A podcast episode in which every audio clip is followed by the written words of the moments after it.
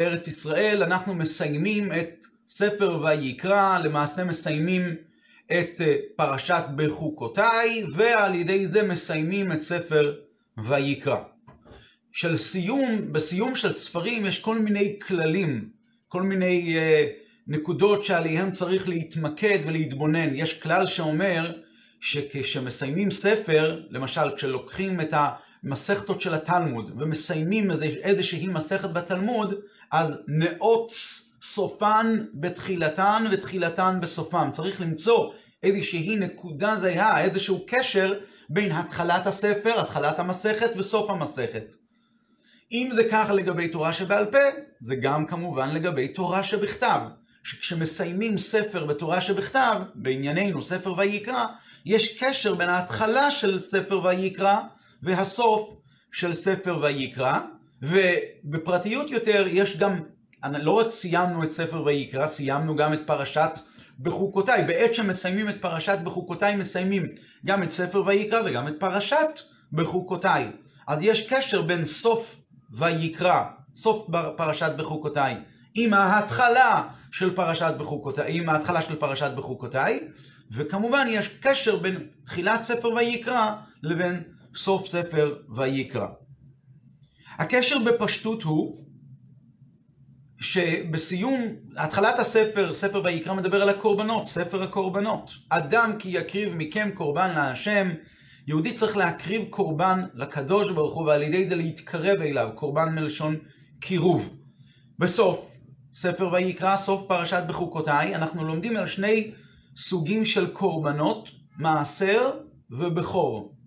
המעשר זה כשיש בעל המשק לוקח את הבקר או צאן שיש לו אה, ביבול, במשק, ברפת, והוא מעביר אותם, והעשירי יהיה קודש. ואחרי זה יש את מצוות בכור, שהיא מצווה שכל פטר רחם של בבהמה, בבהמה טהורה, צריך להביא לכהן. איך התורה כותבת, מעניין. בזה מסתיים ספר ויקרא עם שני סוגים, שני סוגי הקורבנות הללו, אה, מעשר ובכור. אבל כשנכנס, כשאנחנו מתחילים ללמוד בצורה יותר ברורה, אנחנו רואים שיש גם כן סדר. דבר ראשון בכור, ולאחר מכן מעשר. אז כנראה צריך לומר שהקשר הוא לא רק שפה מדובר על התחלה של קורבנות וכאן מסיימים עם קורבנות, אלא גם בפרטים, שהתורה בכוונה בוחרת לסיים בקורבן, בשני הקורבנות הללו, ובשני הקורבנות הללו עם הסדר הזה, של דבר ראשון קורבן בכור, ורק לאחר מכן מעשר מעשר בהמה. מה באמת הקשר? אולי לפני כן נתבונן רגע בבכור ובמעשר. בכור הוא קדוש מצד עצמו. מלמעלה כביכול מכריזים עליו והופכים אותו לקדוש. פטר רחם הוא הראשון שנולד לבהמה הזו, זה לא תלוי בעבודתו של הבן אדם בכלל, ומלמעלה כביכול הוא כבר קדוש. הקדושה שלו היא לא תלויה בפעולות של הבן אדם.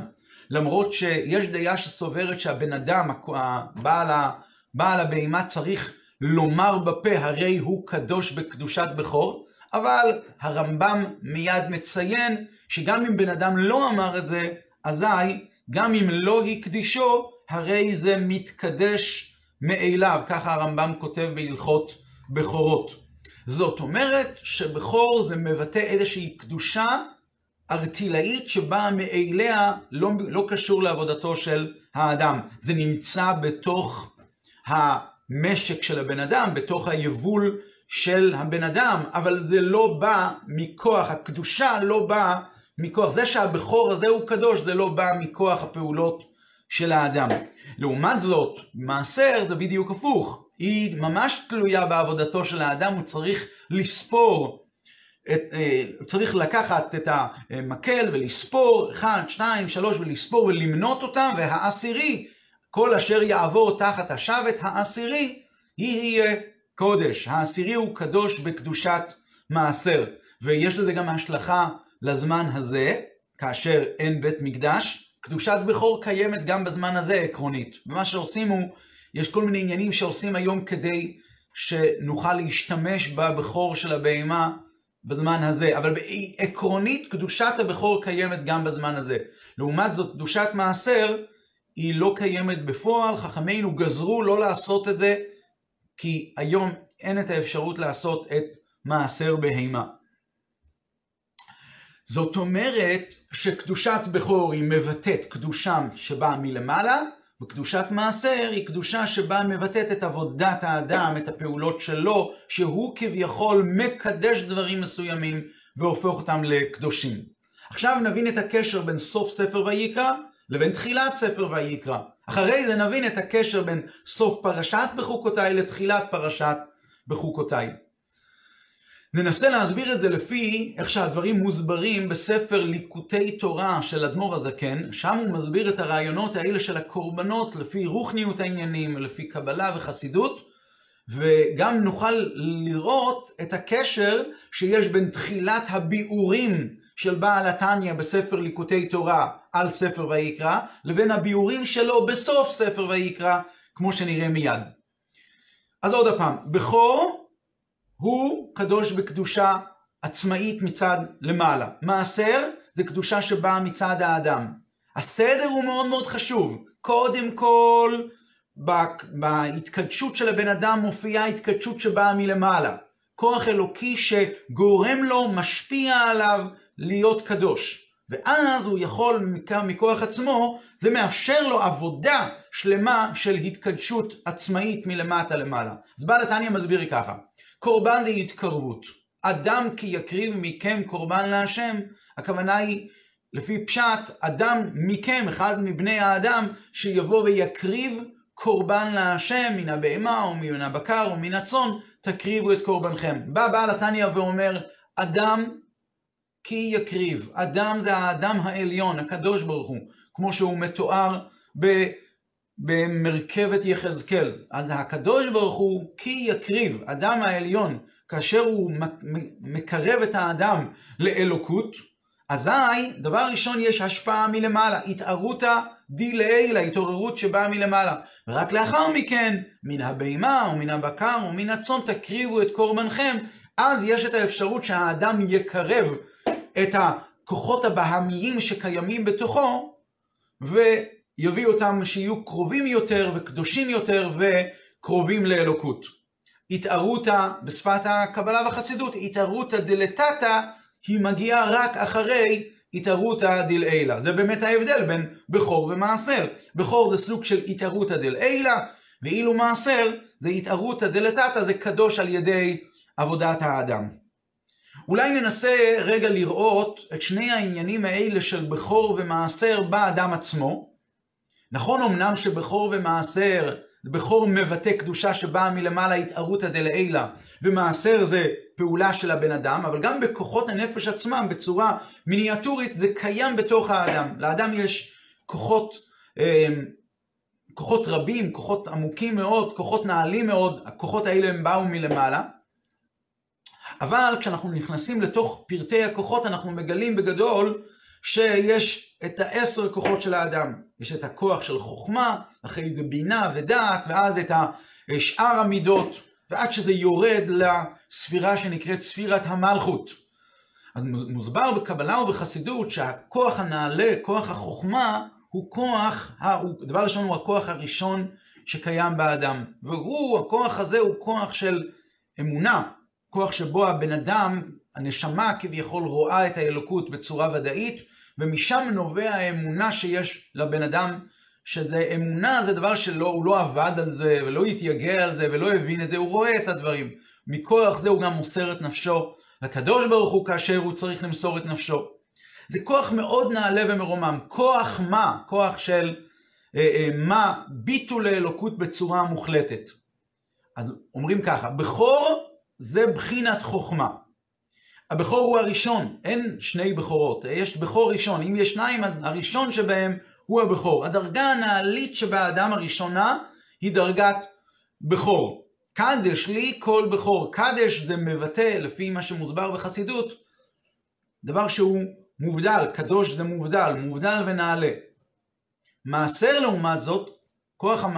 כוח המעשר זה מבטא את הכוחות הנמוכים יותר, התחתוניים יותר, שכבר יורדים למטה עד החלק העשירי, שהוא כבר חלק שקשור הכוחות הנפש הם אולי בתוך האדם עצמו, אבל הם כבר יותר נוטים למטה, עד שמגיע הכוח העשירי, שהוא הכוח ששם מלכות, שהוא שייך כבר אל עבודת האדם כמו שהיא בפועל, שזה למעשה הרעיונות העמוקים, איך שהם משפיעים על המחשבות שלו, על הדיבורים שלו ועל המעשים שלו. אז אומרים שלפחות הכוח העשירי, הכוח האחרון, יהיה קדוש, ויהיה קדוש בקדושת אה, מעשר, כלומר שגם בן אדם כזה שהוא לא בן אדם צדיק, אלא הוא בדרגת בינוני, שזה מידה שבן אדם, כל בן אדם יכול להגיע אליה, כמו שכתוב בתניא, שהיא מידת כל אדם ואחריה כל אדם ימשוך, מחשבות, דיבורים ומעשים, שלבן אדם יש שליטה עליהם והם יהיו קדושים.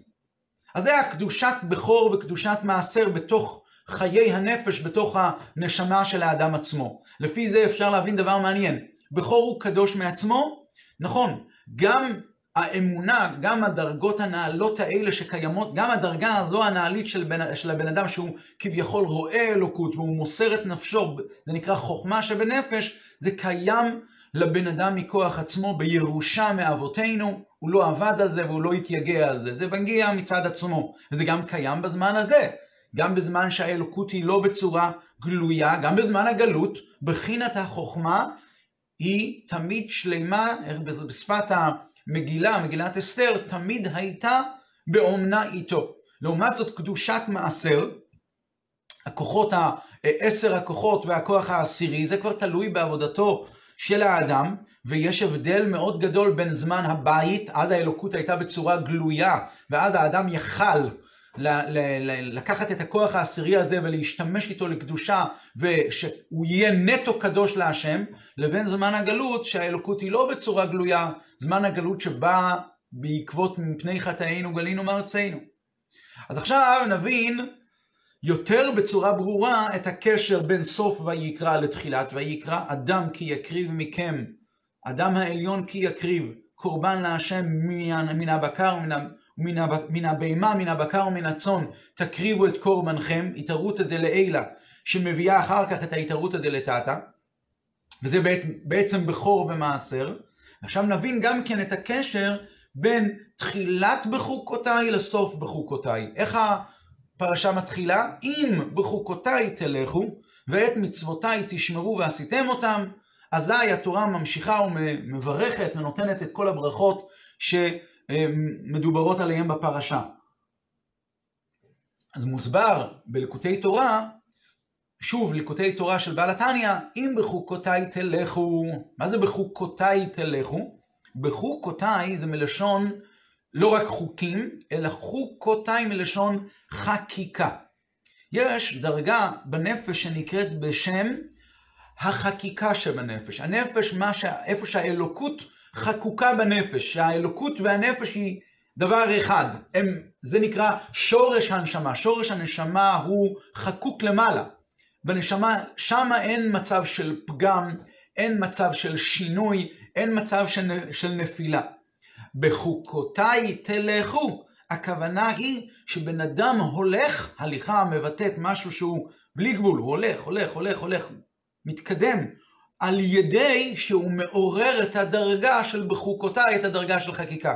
כלומר, יש איזה, איזשהו הילוך של הנשמה, שהבן אדם הולך, בעבודת האדם, הוא הולך והולך והולך, אבל זה לא כל כך מכוחו הוא, אלא מכוח, ה, מכוח החקוק בנשמה, הכוח שהוא כל כך אחד עם הקדוש ברוך הוא. ובחוקותיי תלכו, אזי במקרה כזה, אם באמת בן אדם הולך מכוח החקיקה, מכוח, הנש... מכוח השורש של הנשמה שלו, אז אה, אם הוא הולך בצורה כזו, פה למטה, פה בעולם הזה הגשמי, לא יהיה לזה קיום.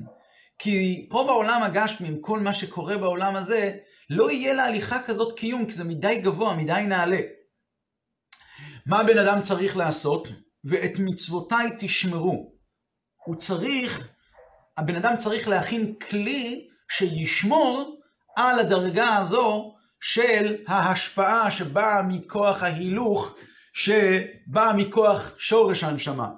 בסגנון אחר, שורש הנשמה זה נקרא דרגת חקיקה, איפה שהנשמה, האלוקות חקוקה בנשמה, זה דרגה כל כך נעלה, הקדוש ברוך הוא הרי אין סוף. ואם הבן אדם הולך בדרך של בחוקותיי תלך, או אם הוא מגיע ומצליח לעורר בכוחו את כוח האינסוף של הקדוש ברוך הוא, שקיים גם בנשמתו, אז זה משהו אדיר. אבל פה למטה, פה בעולם הזה הגשמי, לא יהיה לזה קיום. וחייבים ואת מצוותיי תשמרו, בן אדם צריך להכין כלי שישמור על, הדר, על הכוח הזה. בחוקו, עכשיו נבין, בחוקותיי תלכו, השפעה שנובעת משורש הנשמה, זה בכור, דרגת חוכמה שבנפש. לעומת זאת, ואת מצוותיי תשמרו, העבודה של הבן אדם פה למטה, להכין כלי, לשמור על הדרגה הזו, זוהי הדרגה של המעשר, אותם עשר כוחות הנפש, והחלק העשירי שקשור אל המחשבות, דיבורים והמעשים. עכשיו, קיים כלל, בנוסף לכלל שאיתו פתחנו, שכשמסיימים ספר אז צריך למצוא נקודות זהות בהתחלה ובסיום, יש עוד כלל כאשר מדברים על סיום של ספרים, שהכלל הזה, אנחנו נצטרך להשתמש איתו גם בסיום ספר ויקרא. קיים כלל, הכל הולך אחר החיתום. מסתכלים על הסוף שהוא העיקר. כלומר, זה לא רק הגיע בגלל שמשהו מסוים צריך להיכתב ראשון, ומשהו מסוים צריך להיכתב בסוף אחרון, אלא כי הוא נכתב אחרון כי זה העיקר. זוהי המטרה, זוהי התכלית. הכל הולך אחר החיתום. אם ספר ויקרא, ספר הקורבנות, מסתיים במצוות מעשר, אז זה לא רק בגלל שמעשר הוא בצורה כרונולוגית בא אחרי הבכור, כמו שהסברנו לפי הקבלה, התערותא דלעילא היא הבכור, וצריכים אחרי זה, רק אחרי זה יש התערותא דלתתא מעשר. לא, אלא כי כנראה יש איזושהי מטרה פנימית חזקה יותר דווקא בהתערותא דלתתא, דווקא יש איזשהו יתרון בקדושה שבאה על ידי עבודתו של האדם על פני הקדושה שבאה מלמעלה. ולכן סיום ספר ויקרא מסתיים בעניין הזה של מעשר דווקא, כי זוהי התכלית של כל הקורבנות, כל עבודת הקורבנות היא עבודת האדם. אותו דבר נצטרך עכשיו להסביר לגבי ההתחלה של ספר ויקרא. אדם כי יקריב מכם קורבן להשם מן הבהמה, מן הבקר ומן הצאן, תקריבו את קורבנכם, זה לא הופיע בצורה כזו של סדר של התערותא דלעילא, דבר ראשון, ואז מגיע התערותא דלתתא מן הבהמה ומן הצאן תקריבו את קורבנכם. לא, אלא מן הבהמה ומן הבקר ומן הצאן תקריבו את קורבנכם, זו העיקר, זה הכל הולך אחר החיתום, הפעולה השנייה היא העיקרית, היא המטרה והתכלית שהקדוש ברוך הוא כביכול רוצה את כל העניין של הקורבנות בכלל. טוב, כדי להסביר את זה, נצטרך קצת להתעכב ולנסות להבין יותר לעומק את המושגים האלה של התערותא דלתתא והתערותא דלעילא. אמרנו מקודם שההתעוררות שבאה מלמעלה היא התעוררות שאין לה קיום, אלא אם כן יהיה אחרי ההתערותא דלתתא ואת מצוותיי תשמרו. אז אנחנו צריכים להבין את זה. מה זה התערותא דלעילא? זה התעוררות שבאה כתוצאה מזה שהקדוש ברוך הוא חפץ חסד הוא, וזו דרגה כזו שבה מה שהבן אדם יעשה או לא יעשה זה בכלל לא נוגע. ההתעוררות שבאה מכוח כזה עליון היא, והיא באמת באה אל הבן אדם ומעוררת אותו. אז אם ככה, למה באמת יש צורך בהתערותא דלתתא לאחר מכן? כשם שכדי להוריד כביכול את ההתערותא דלעילא לא היו צריכים את ההתערותא דלתתא לפני כן, אז אותו דבר גם כן. כאשר ההתערותא דלתתא, כאשר ההתערותא דלעילא הגיעה, למה צריכים לשמור אותה ולקיים אותה, שההתעוררות הזאת תהיה ברת קיום דווקא על ידי התעוררות מלמטה? מה הסיבה לזה? יכולנו לומר שזה בגלל שזה הבן אדם, זה המצב, זה הבן אדם פה למטה. אבל מכיוון שההשפעה הזו היא באה ממקום כל כך נעלה, ממקום שבו לא מתייחסים למעשה האדם, אז לכאורה זה כוח חזק, כוח נעלה, שבשפת התהילים, כי חפץ חסד הוא, בשפת התנ"ך, כי חפץ חסד הוא, הקדוש ברוך הוא חפץ חסד, והוא משפיע על האדם, וזהו, אז ההשפעה הזו הייתה אמורה לעורר את הבן אדם, ושהיא תהיה באמת ברת קיום. כמו שהיא מצד עצמה, היא הרי מגיעה ממקום נעלה מאוד. אז התשובה היא, מוסבר בליקוטי תורה, שמכיוון שההתעוררות באה, כאשר התעוררות מסוימת באה רק בעקבות התעוררות הדלעילה, אזי כאשר בשפת האדמו"ר הזקן, אני רוצה לצטט, בהסתלק הערה עליונה זו, שאינה מאירה רק בעת רצון, בתהילה האהבה שנסתעף ממנה. אולי נסביר את זה קצת יותר, ואז, ואז נבין את זה עוד יותר לעומק. אולי נעיף מבט בסוף ספר ויקרא, בליקוטי תורה, ואז נראה גם את הקשר בין ההתחלה והסיום של ספר ליקוטי תורה בפרשת ויקרא, בספר ויקרא. כלומר, הכל הולך אחר החיתום, ונאות תחילתן וסופם, וסופם בתחילתם, הכללים האלה שנאמרו לגבי סיום של ספרים, נראה, נראה את זה גם לגבי סיום הספר ליקוטי תורה של בעל התניא על ספר ויקרא. נראה את ההתחלה שלו ואת הסיום שלו. מה הוא אומר בסוף ספר ויקרא, בעל התניא? הוא מביא את המאמר חז"ל שמופיע בפרקי אבות, דע, עקביה בן מהללל אומר, הסתכל בשלושה דברים, אין אתה בא לידי עבירה, דע מאין באת ולאן אתה הולך. אז אדמו"ר הזקן אומר ככה, עין, דע, מאין באת. באת מדרגת עין. עין זה הולך על החוכמה, והחוכמה מאין תימצא. כלומר, הנשמה הגיעה מהדרגה שנקראת עין, שהיא דרגה שהיא נעלית מאוד וגבוהה, מאין, מכלום, כביכול יש מאין, מדרגה כזו שהיא מעל לגדרי המקום. גדרי המקום זה יש, זה מציאות, זמן ומקום. ודע לך, תתבונן, אומר עקביה בן מהללל, תתבונן מאין באת, שהדרגה של הנשמה שבך מגיעה מדרגה כל כך נעלית וגבוהה שנקראת בשם עין. ולאן אתה הולך? אז הוא מסביר שלאן, אן זה מלשון אנה, אנה תלך, אה, אנה אתם הולכים, אנה זה מקום, לא, לא אומרים דע מאין באת ולאין אתה הולך, הרי ירידה צורך עלייה, אז אומרים דע מאין באת, הגעת מדרגת, דבר ראשון זאת לא שאלה, לא מאין באת, אלא דע, מאין באת, הגעת מדרגת עין, ולאן, לדרגת אן, אתה הולך. שם הוא מסביר שאן זה כמו שאמרנו, אנא תלך, זה מדבר על מקום, מדבר על זמן. כלומר, שאתה הולך, נשמתך הולכת בסופו של דבר לאן? לדרגת מקום, שזה הכוונה היא לתחיית המתים, שתהיה פה בעולם הזה. ההתבוננות שבן אדם צריך להתבונן, שנשמתו מגיעה מדרגת עין, והמטרה הסופית שלה היא תחיית המתים, שתהיה פה בעולם הזה הגשמי, במקום גשמי, ולאן אתה הולך. ככה אומר שמה אדמו"ר הזקן בסיום ליקוטי תורה על פרשת ויקרא, על ספר ויקרא על פרשת בחוקותיי. לכאורה, אמרנו מקודם, ירידת צורך עלייה. רגע, הנשמה מגיעה מדרגת עין, שורש הנשמה הוא כל כך נעלה וכל כך מרומם. ומאיפה השכר? השכר של הנשמה, לאן אתה הולך? למקום גשמי? למקום נמוך? למקום של עולם גשמי, של מגבלות של זמן ומקום? ואן, אן זה גשמי. אן זה מקום, אנה תלך. ולאן אתה הולך? התשובה היא כן. דווקא כאן, בעולם הזה הגשמי, יש יתרון על דרגת עין שממנה שורש הנשמה. דווקא פה בעולם הזה הגשמי יש את הגילוי של עצמיותו של הקדוש ברוך הוא, שכלפיו, כלפי הקדוש ברוך הוא בכבודו ובעצמו, אתה הוא עד שלא נברא העולם, אתה הוא מי שנברא העולם, רוחניות וגשמיות, הכל שווה בעיניו. והדרגה הזו היא נקראת דרגת אן. כלומר, דווקא פה בעבודת האדם, שבעולם הזה הגשמי, לקחת דברים גשמיים ולחבר אותם ולעשות מהם מצווה ולקשר אותם אל הקדוש ברוך הוא, דווקא כאן מתבטאת הכוונה העצמותית של הקדוש ברוך הוא, שהקדוש ברוך הוא נתאווה להיות לו דירה בתחתונים, פה דווקא בעולם הזה הגשמי, עושים את התענוג האלוקי וממלאים את התענוג האלוקי שהעולם הזה יהיה דירה לקדוש ברוך הוא. עכשיו נבין, דע מאין באת. דרגת עין היא דרגה מאוד מאוד נעלית, אבל לאן אתה הולך?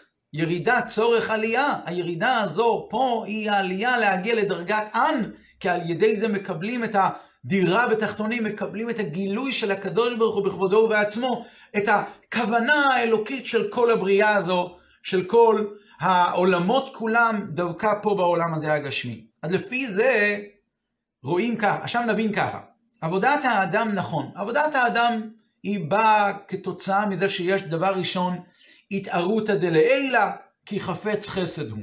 אבל בעבודת האדם לאחר מכן, פה למטה, בהתערותא דלתתא, מתבטאת התכלית של הקדוש ברוך הוא בכבודו ובעצמו, התכלית שהיא יותר נעלית אפילו מההתערותא דלעילא שעוררה אותו.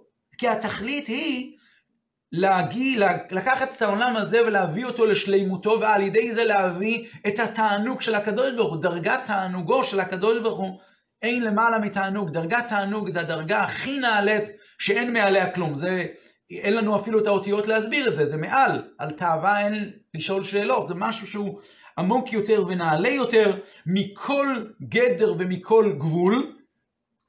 עכשיו נבין עכשיו נבין בעומק יותר שהתערותא דלתתא היא לא רק, אה, אה, לא רק מקיימת את ההתערותא דלעילא כדי שההתערותא דלעילא היא מדי גבוהה והיא מדי נעלית והיא פשוט תברח וכדי שהיא לא תתאדה אז הבן אדם צריך לעשות התערותא דלתתא. לא, ההתערותא דלתתא מביאה לקיום של ההתערותא דלעילא, בגלל שהתכלית והמטרה היא ההתערותא דלתתא. יש איזשהו משהו פנימי חזק, עמוק יותר, זה לא רק פנימי, זה עצמותו של הקדוש ברוך הוא, שנמצא דווקא בעבודת האדם, ו...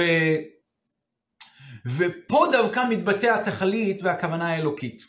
עכשיו, כמו שזה אצל האדם העליון למעלה, שהשלימות, התענוג, נתאווה הקדוש ברוך הוא להיות לו דירה בתחתונים פה בעולם הזה הגשמי, אז בצורה אה, אה, מיניאטורית זה קיים גם בתוך האדם עצמו.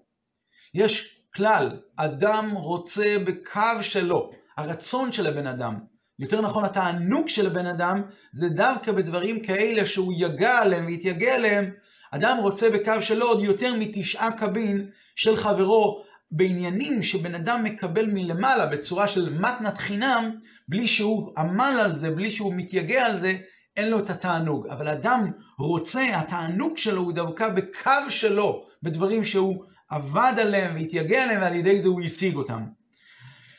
אז uh, עכשיו אנחנו נבין עוד פעם את הקשר בין נאות סופם בתחילתם ותחילתם בסופם של ספר ויקרא.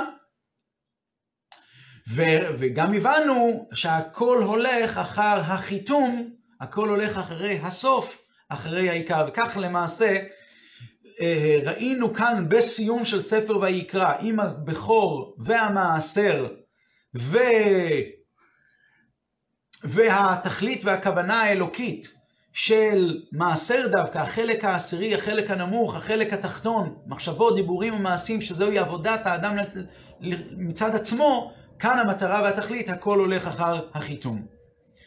בספר ליקוטי תורה של בעל התניא יש גם הוספות.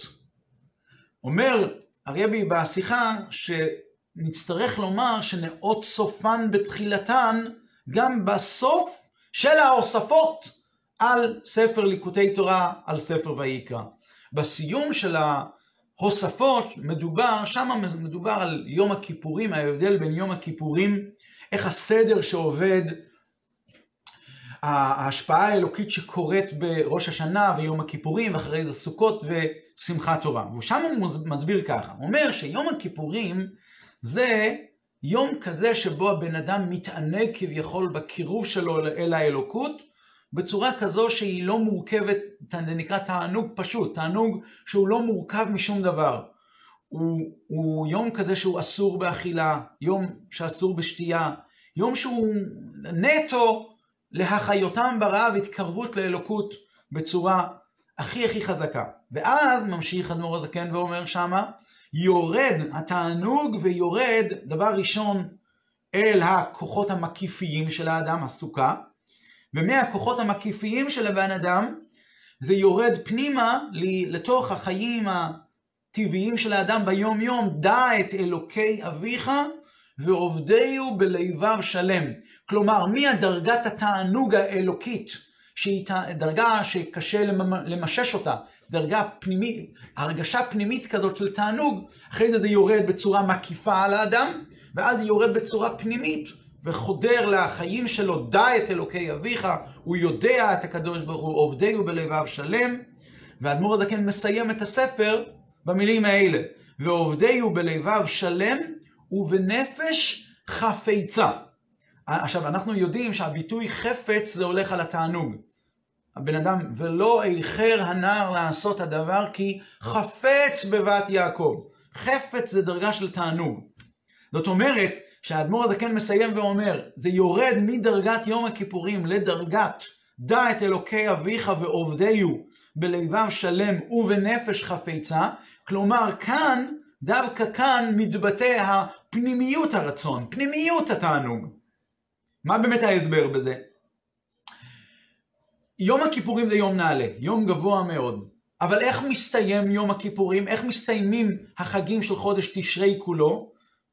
בשמיני עצרת ושמחת תורה, שזה כנראה עוד יותר נעלה, זה תענוג, נפש חפצה זה גם תענוג, אבל זה תענוג עוד יותר נעלה מאשר יום הכיפורים. איך אפשר להבין את זה? יום הכיפורים זה יום כזה שהוא באמת מתענג על הקדוש ברוך הוא, הוא לא רוצה לאכול ולשתות כי הוא לא מחובר בכלל לזה. תענוג נטו באלוקות. מנותקים לגמרי מאכילה ושתייה. יום הכיפורים הוא הדרגה הגבוהה ביותר לכאורה. ואנחנו באים ואומרים שהפנימיות של התענוג מתבטא דווקא בשמחת תורה, בשמיני עצרת ושמחת תורה. אבל עכשיו נבין את זה, כי בסוכות ובשמיני עצרת מקבלים את הכוח לעבודה פה למטה, לעשות דירה לא יתברך בתחתונים, לקחת את ה... לאן אתה הולך? למקום הגשמי של, של חיים גשמיים שהם תחת מקום וזמן, ושם לקבר אותם לאלוקות, ואז על ידי זה אנחנו מממשים את הכוונה האלוקית. לכן זוהי דרגת תענוג. לכן בעל התניא מסיים והוסיף את המילים ועובדיהו בלבב שלם ובנפש חפצה.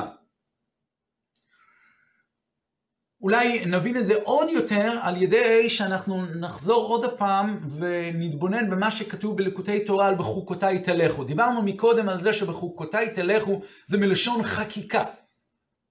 החקיקה, אפשר לתת לזה כמה דוגמאות לחקיקה, בעל התניא אומר שאותיות החקיקה שלוקחים אבן וחוקקים על האבן, אז האותיות האלה הן לא דבר נוסף על האבן, זה לא כמו אותיות הכתיבה, שיש את הקלף ויש את האותיות שהן משהו אחר.